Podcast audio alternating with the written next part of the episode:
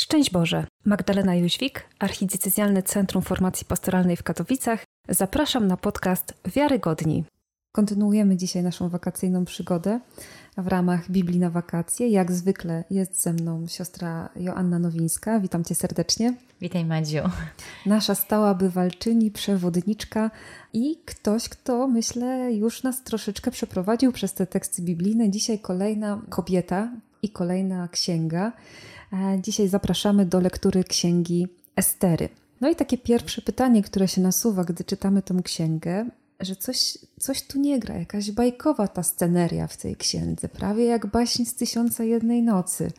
Czy to znowu jakiś zabieg autora, żeby nas tutaj zaintrygować? E, bardzo dobry strzał, Madzia, bo faktycznie, jeżeli byśmy popatrzyli na korzenie księgi Estery, czy klimat, w którym ona powstaje, to jest klimat perski, czyli Dalekiego Wschodu, i faktycznie pobrzmiewa i haremami, i taką królewskością, i opowiadaniami z Tysiąca Jednej Nocy. Z tym, że. Zwłaszcza, że wątek jednej nocy pojawia się w tej księdze. Dokładnie, że na tę jedną noc mm -hmm. zostaje zaprowadzona Estera i potem nie wie, kiedy wróci, mimo że zostaje obwołana królową. Mm -hmm. I pojawia nam się tutaj jeszcze, czy jakby wraca, mam wrażenie, taki tekst. Z poezji polskiej Szeherezada, Szeherezada z myślaniem chciała o jeden dzień przedłużyć życie, ale mm. mamy do czynienia z Esterą, która nie będzie zmyślać królowi czy opowiadać mu historii, ale która będzie właśnie usiłowała dotrzeć do władcy, żeby ocalić swój naród. E, ja bym tu jeszcze e, zwróciła uwagę na jeden motyw, który jest niesamowity.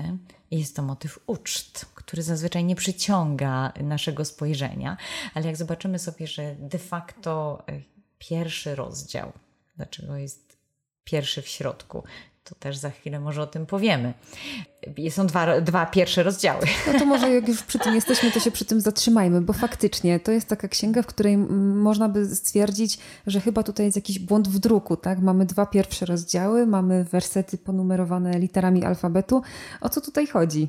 E, mamy do czynienia w polskim wydaniu Tysiąclatki z uwzględnieniem tekstu hebrajskiego i tekstu greckiego.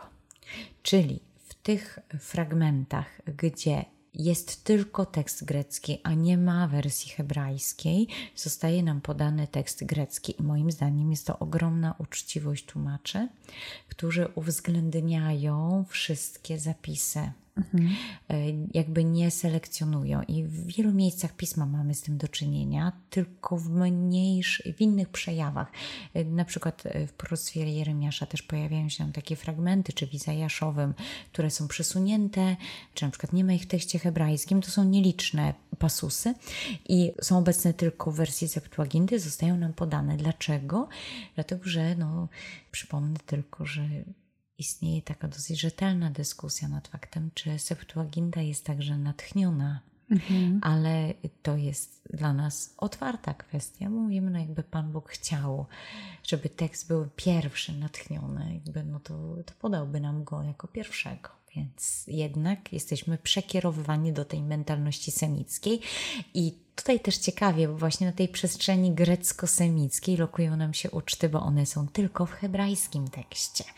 E, I tych uczt jest niesamowicie dużo, bo jak przyjrzymy się, to król robi ucztę i królowa robi ucztę osobno. Potem Estera przecież za pomocą uczty mhm. przywabia Hamana i konfrontuje Hamana króla ze swoim zdaniem na temat dekretu wydanego na Żydów i potem znowu wyprawia ucztę i z tej uczty już jakby Haman wyjeżdża w kierunku wyroku.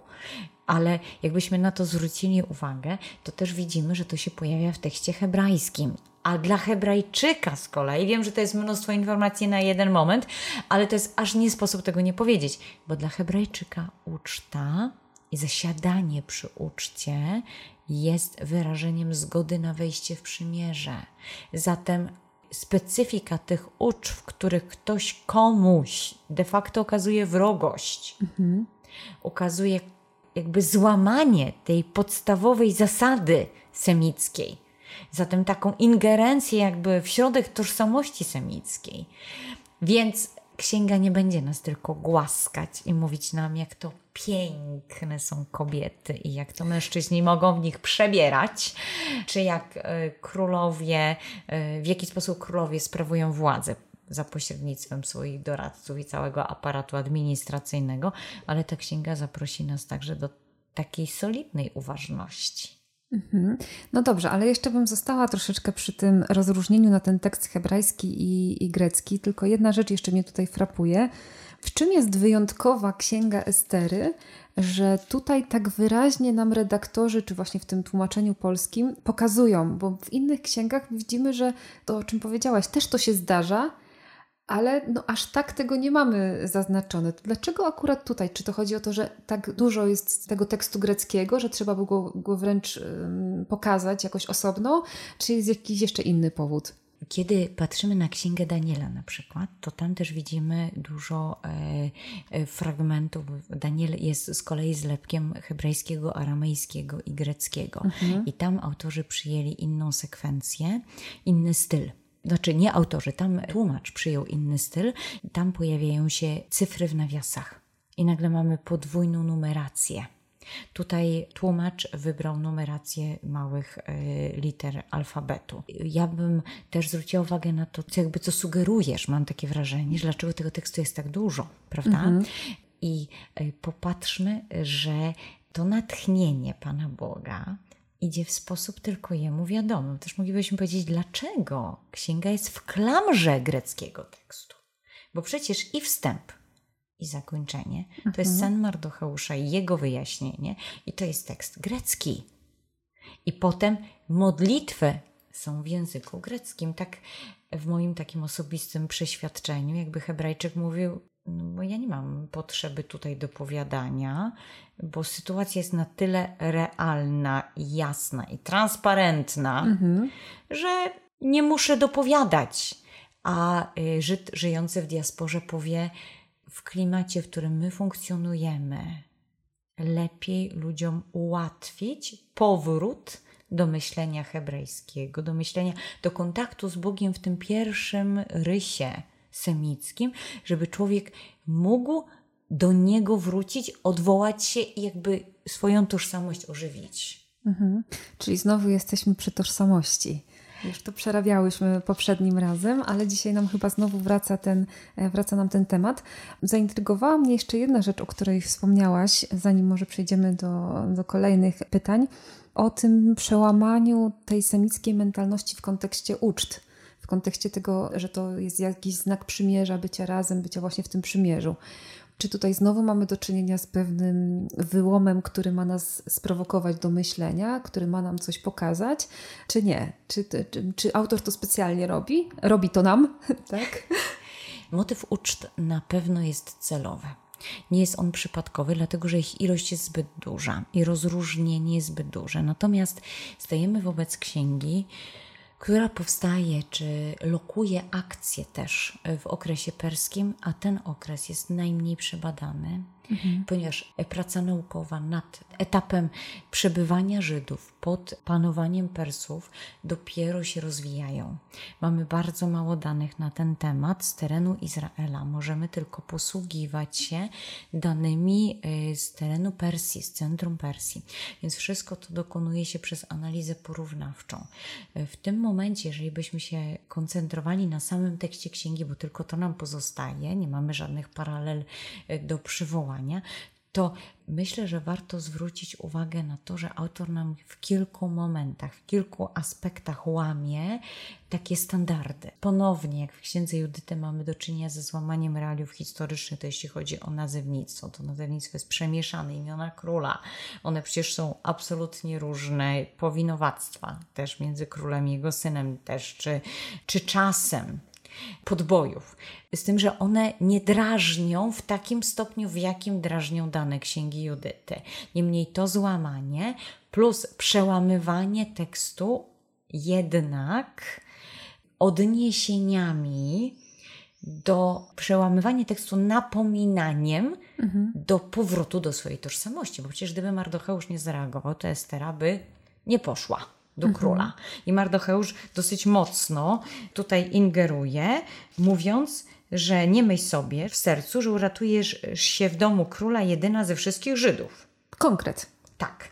I znowu moglibyśmy powiedzieć, no przecież Estera jest Żydówką, z jednej strony się do tego nie przyznaje, z drugiej strony jakby cały czas no, jej fizjonomia, aparycja, prawda, cały sposób funkcjonowania jest tutaj wyraźny. Funkcjonowanie Mardocheusza również jest wyraźne, ale też poza nimi generalnie gdzieś przewija się myśl tylko o statystach żydowskich i oni nam się w ogóle nie pojawiają tutaj.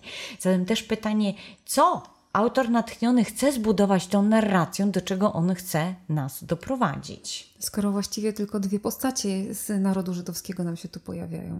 A zarazem mhm. Zniszczenie ma dotknąć cały naród, który de facto jest niewinny.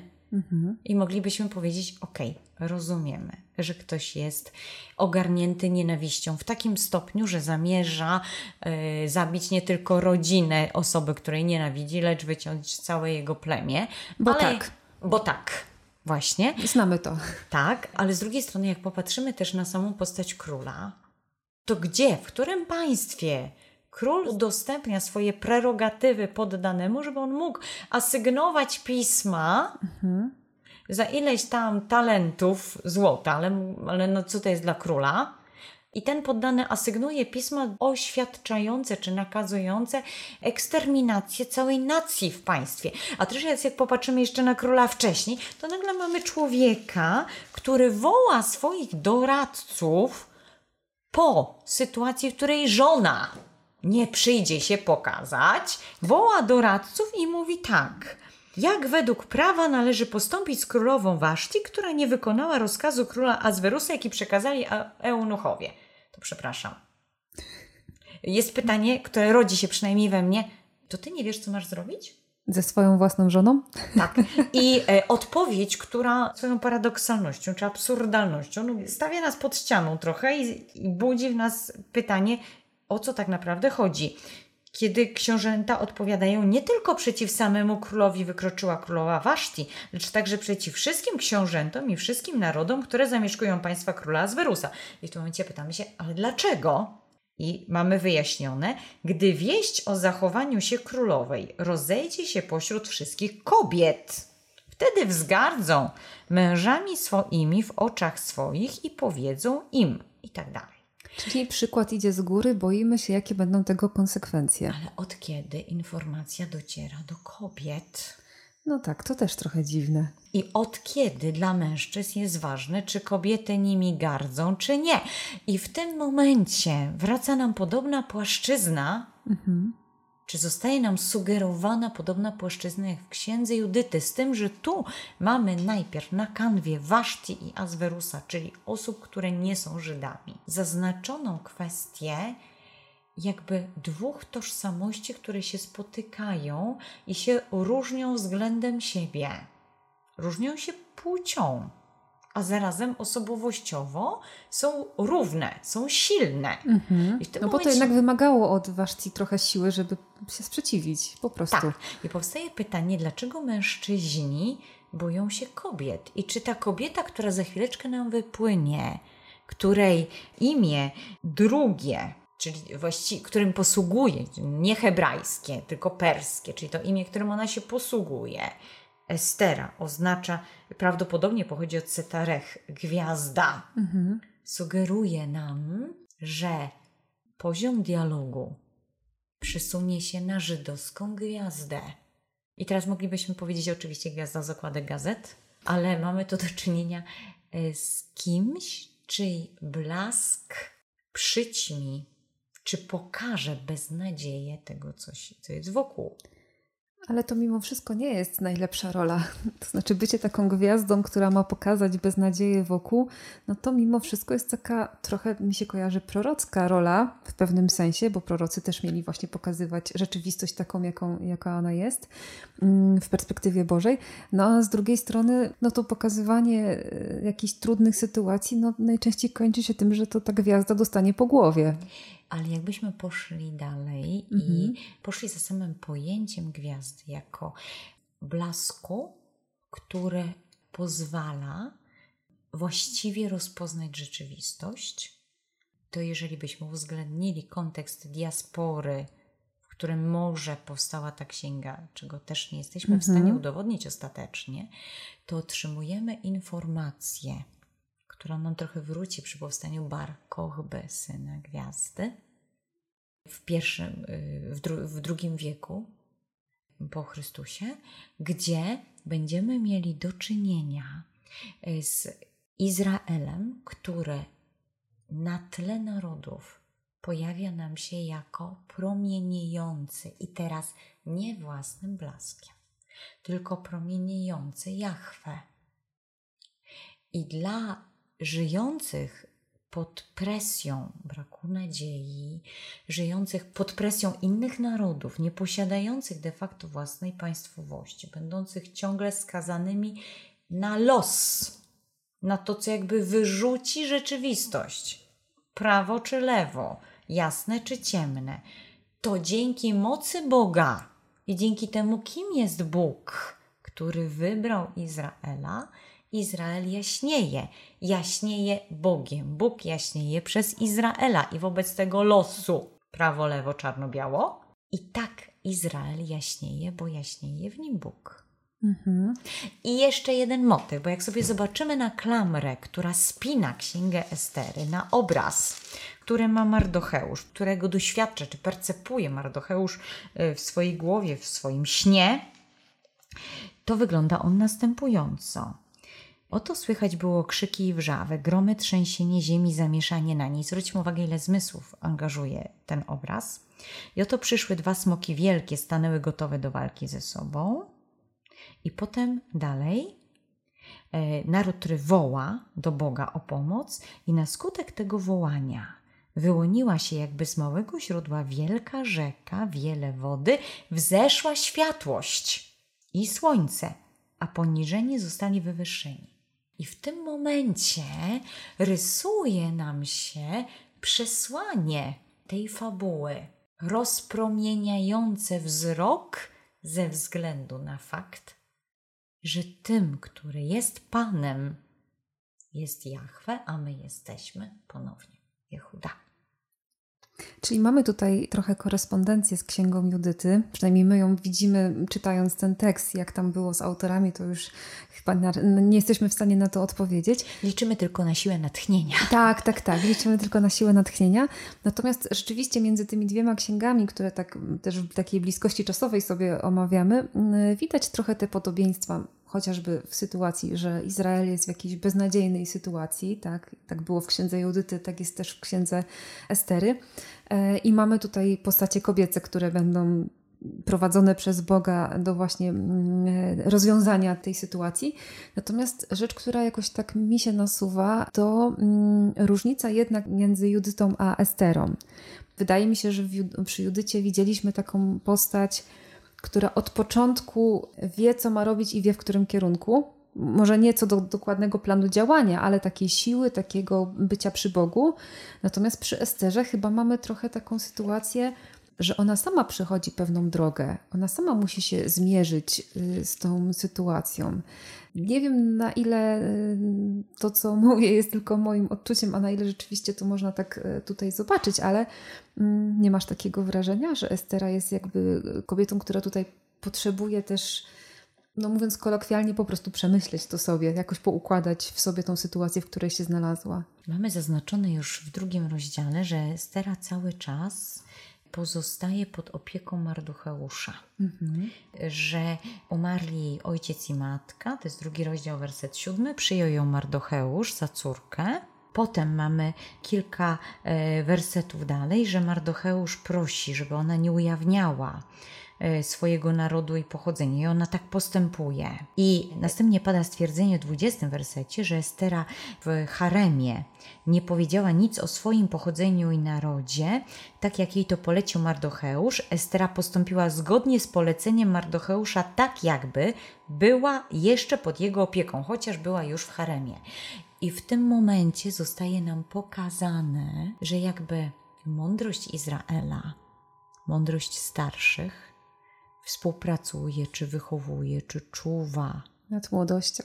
Tak, i jakby jest ta korelacja pomiędzy mądrością a kobiecością, to znaczy współpraca między mądrością starszych a y, całą kobiecością, czyli mamy w Izraelu, którego te postaci nam reprezentują, połączenie mądrości i tej oblubieńczości, bo jednak kontekst jest ciekawy, jest też kontekstem romansowym, prawda? No tak. I to tak wprost. tak, no jak baśnie z Tysiąca Jednej Nocy, Madzia, to baśnie z Tysiąca Jednej Nocy. Mhm. E, dobrze, to idźmy teraz dalej, jeśli chodzi o, o Esterę i o to jej zadanie, które miała. Widzimy, że ona też się do tego przygotowuje, podobnie jak Judyta, prawda? Też pości, też się modli. Też chyba jest w takiej sytuacji, w której była Judyta, no, że albo się uda, albo się nie uda.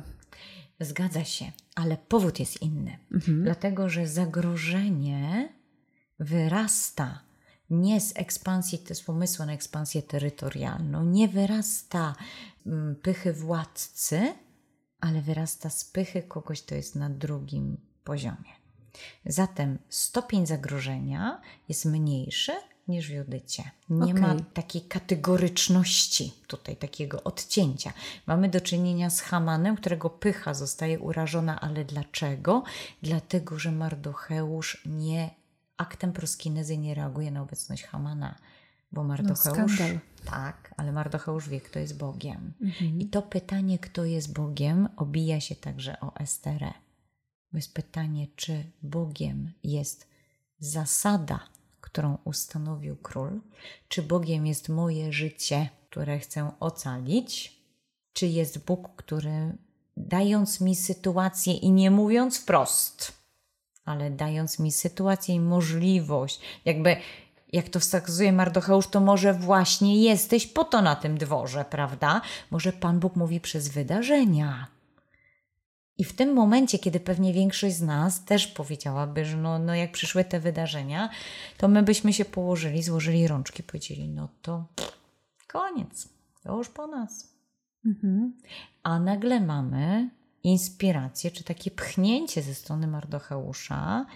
Jasne, że jeżeli ty się nie ruszysz, to ratunek i uwolnienie dla Żydów przyjdzie z innego miejsca, ale ty i dom twego ojca zginiecie. Zatem, jeżeli Pan Bóg daje nam konkretne wydarzenie, które jest transparentne, jeśli chodzi o przekaz, to trzeba w nie wejść i trzeba zrobić to, co się powinno zrobić. I co dyktuje jakby nam ta intuicja rozpoznająca to wydarzenie. Mhm. I tutaj też staje nam jeszcze jedna wartość bardzo istotna.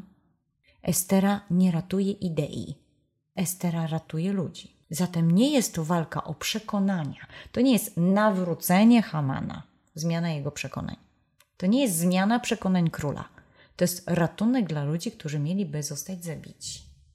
I identycznie jak w przypadku Judyty, która ratuje cały naród, ale tam mamy wrażenie ogromnej siły i takiej, no, takiej przebojowości nawet, tak tutaj mamy do czynienia z kobietą, która w tekście greckim nam powie: e, Panie, wspomóż mnie, Wspomóż mnie samotną, nie mającą poza Tobą wspomożyciela. To jest czwarty rozdział 17l. Bo niebezpieczeństwo jest niejako w mojej ręce. Mhm. Panie, Ty jesteś mocny, tak?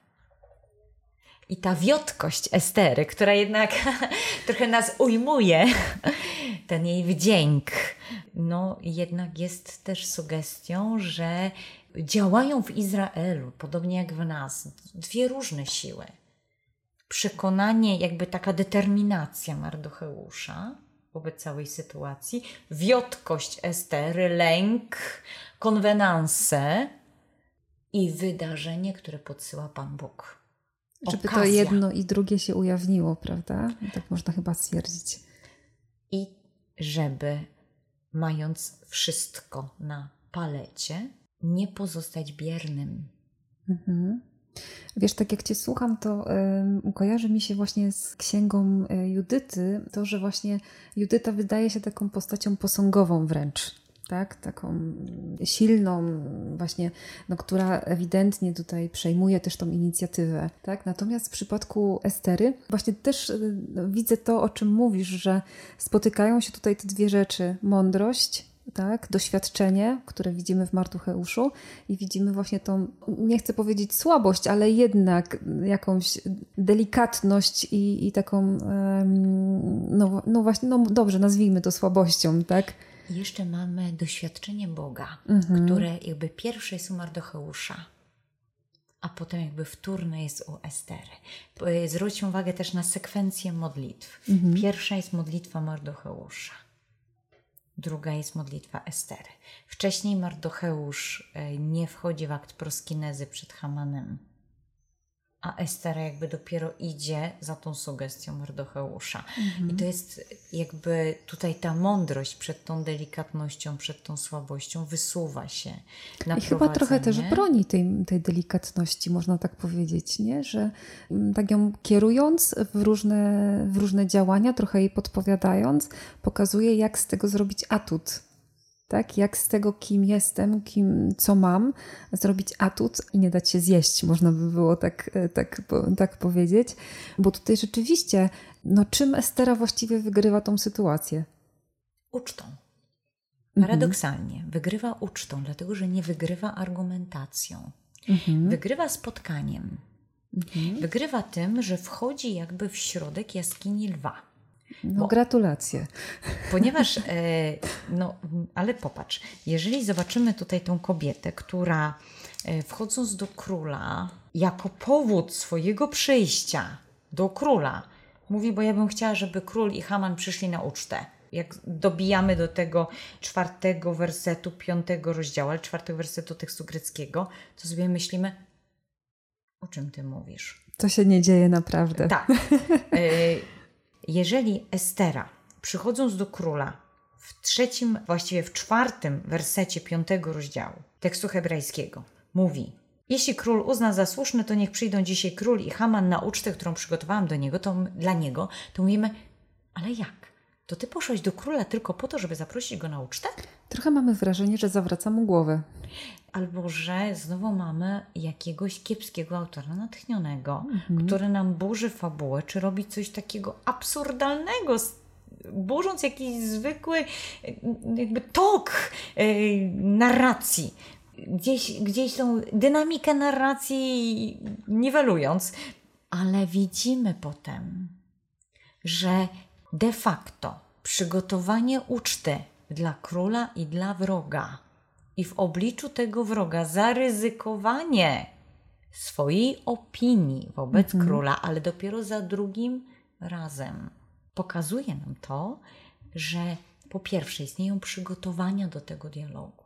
Po drugie, że na bazie relacji, jaką Estera ma z królem, nie na bazie prawa, mhm. Jakby pojawia się jakby, czy w Esterze taka myśl, że tutaj może wygrać sprawę. Ale to nie jest działanie z zewnątrz, to jest ponownie w środku, w jaskini lwa. Mhm. Czyli mamy tutaj takie też zwrócenie uwagi na, na relacje po prostu, że to one są tutaj tą przestrzenią, które mogą uratować sprawę, albo nie, bo też szczerze powiedziawszy, jak się czyta tą księgę, to można mieć takie wrażenie, że no przyszła piękna Estera, zawróciła królowi w głowie, w głowie no i się udało, sprawa załatwiona, ale ale... Przecież ona nie była jedyną piękną kobietą, która tam była w tym jego haremie, prawda? I ale mamy jeszcze początek szóstego rozdziału, mhm. w którym król ma bezsenną noc i poleca, żeby przyniesiono mu księgę kronik, w której wyczytuje, że kiedyś Mardocheusz usłyszał od dwóch eunuchów planujących zamach na króla, doniósł o tym królowi jemu właśnie i ocalono życie tego władcy i król myśli sobie pod wpływem tej inspiracji, no przecież mógł czytać gazetę, tak mówiąc naszym dzisiejszym Perską językiem, gazetę. prawda? E, ale jak, jakąkolwiek, jakiekolwiek inne wydarzenie.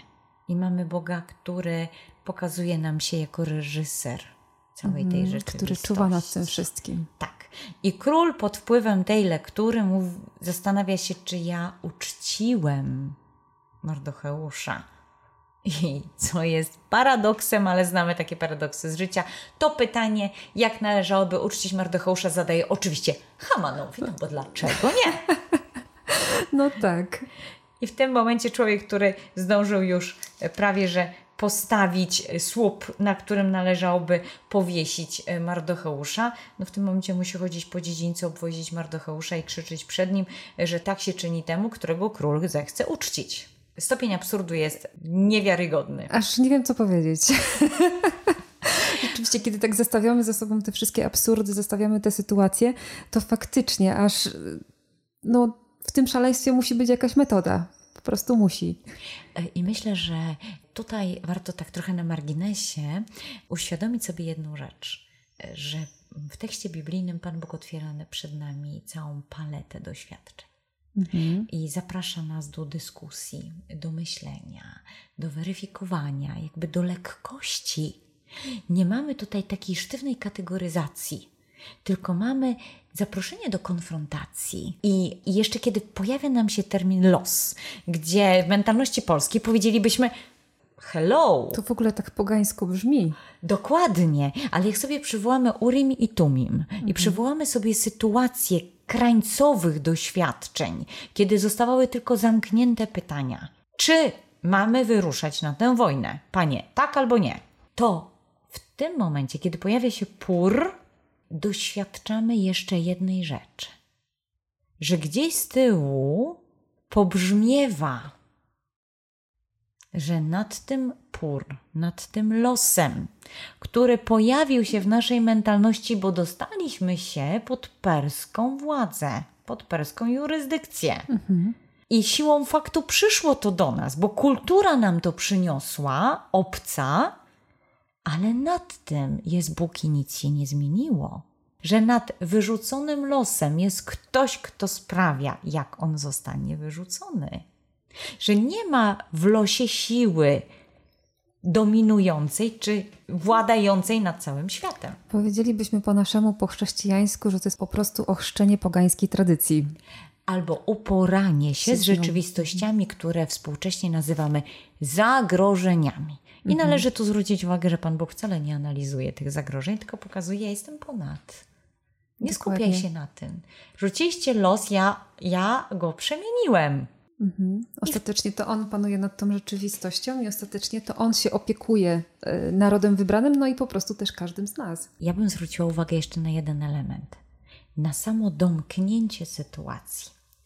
Mamy tutaj zezwolenie króla, a właściwie no jakby pragnienie Estery i Mardocheusza, żeby Żydzi zapanowali nad tymi, którzy ich znienawidzili. I żeby Żydzi zgromadzili się, żeby podnieść rękę na wszystkich, którzy pragnęli ich zguby. I mamy też konstatację, że zostało zabitych, nie tylko, zostali zabici nie tylko synowie Hamana, mhm ale mamy też wskazanie, że jest wytraconych w Suzie 300 mężczyzn, że pada 75 tysięcy wrogów Izraela. No, te liczby robią wrażenie. A z drugiej strony mamy przy każdej z nich prawie komentarz, ale po ich majątek Żydzi nie wyciągnęli ręki. Zatem pobrzmiewa nam gdzieś myśl w przypadku agresji na Twoje życie, na życie wielbiących Jahwe. Mhm. Odwet, obrona życia jest możliwa, ale nie korzystaj na tym. Nie buduj swojego splendoru na nieszczęściu czyjegoś życia. Mhm. Zastanawia nas to wycięcie w pień, no tak. Bo mówimy, no to gdzie to jest odniesienie do prawa, ale... No na dzisiejsze czasy to jednak bardziej y, naturalna jest konfiskata majątku, a potem ewentualnie, tak? Więc w naszej takiej mentalności moralnej to bardziej naturalnie nam się wydaje ta droga, nie? Na odwrót właśnie. I to kluczowe są słowa, które powiedziałaś. No, dzisiejszej mm -hmm. mentalności, czy w dzisiejszej moralności mamy do czynienia z tekstem, którego redakcja przypada prawdopodobnie gdzieś na czwarty wiek, może jeszcze trochę wcześniej, VI wiek przed Chrystusem, e, tak przy, domniemujemy w tym momencie, to znaczy domniemujemy, w oparciu o przeprowadzone badania wyciągamy takie wnioski i to jest inny poziom cywilizacyjny. Ta informacja jest bardzo ważna, żebyśmy sobie ją zakodowali przy całej lekturze Starego Testamentu i nie tylko. Że mamy do czynienia e, z ludźmi przebywającymi na innym poziomie cywilizacyjnym i tak dla otrzeźwienia w razie czego, to trzeba sięgnąć po zapiski asyryjskie przechowane w Niniwie, które dają nam świadectwo takich tortur, których do tej pory nikt jeszcze nie wymyślił. Zatem Czyli lektura poziom, dla tych, którzy mają mocne nerwy. Tak, i poziom, który sugeruje, że jednak morale Izraela było bardzo wysokie przy mhm. tych opisach. Mm, biorąc też pod uwagę, że liczby są przesadzone, jak to bywa w y, retoryce żydowskiej, no ale cel jest też inny. To nie mamy do czynienia, wracamy do tego pojęcia z historią mhm. w naszym rozumieniu, ale z teologią historii, pokazaniem Bożego działania w historii i myślę, że na kanwie tej księgi jest to przekonujące. Dobrze, ale jeszcze jedna rzecz. Jak już tu o tym powiedziałaś, to żeby nam to nie uciekło, może nam się to też przyda w e, innych lekturach. Czemu te liczby są przesadzone? Czemu to ma służyć? Budowaniu obrazu. Mhm. I to też odzwierciedla czas, nie mówię tu w przypadku księgi Estery, dlatego e, że wydaje się ona historią dydaktyczną, to znaczy są przesłanki e, historyczne stricte dla tej księgi, ale wydaje się, że bardziej jest opowieścią dydaktyczną. Mhm. E, nie chcę tu absolutnie powiedzieć, że ona nie wydarzyła się naprawdę, bo nie mamy takich podstaw, żeby tak powiedzieć, ale wydaje się, że akcent jest tu przesunięty znacznie bardziej na przesłanie. Natomiast jeżeli przyjrzymy się księgom Samuela, To mamy tam przesadzone, mamy tam liczby większe. Dlaczego? Bo e, zamiast słowa wiele Żyd używa liczb. Czyli one są ekwiwalentami sformułowań abstrakcyjnych, których my używamy. Okay. Podobnie jak układ retoryczny niebo i ziemia jest meryzmem, wskazuje nam na całość rzeczywistości, mhm. a my w naszej mentalności mówimy Pan Bóg tylko niebo i ziemię, a co z Marsem? Dokładnie. Prawda? Tak, tak, tak. Nam się to od razu tak kojarzy, z, no tak jak dzisiaj postrzegamy rzeczywistość. Zatem przy lekturze tekstów biblijnych potrzebujemy uwzględniać fakt, że mamy do czynienia nie tylko z inną kulturą wizualną, nie tylko inną kulturą ubioru, czy bycia, czy życia codziennego, czy inną innym nazewnictwem, ale także z inną retoryką, czyli innym układaniem treści i innym sposobem wyrażania się, innym sposobem budowania obrazu. Zatem nie zakładamy y, swojego rozumienia jako jedynego prawdziwego, ale zakładamy, że to musimy przebadać, zwrócić uwagę na każde słowo i to jest recepta na każde słowo i dzięki temu te absurdy, które się wyłonią, doprowadzą nas do właściwych wniosków. Mhm. Dobrze, myślę, że y, ta ostatnia uwaga jest dla nas, myślę, wszystkich bardzo cenna. E, zapraszamy gorąco do lektury Księgi Estery, do zwracania właśnie uwagi na każde słowo, bo myślę, że y, możemy tutaj wiele zaskakujących jeszcze treści e, zobaczyć i odkryć dla siebie. Dzisiaj bardzo dziękuję. Dzięki Medzia. Za tydzień kolejna księga w ramach naszego cyklu Biblia na wakacje. Dziękuję bardzo.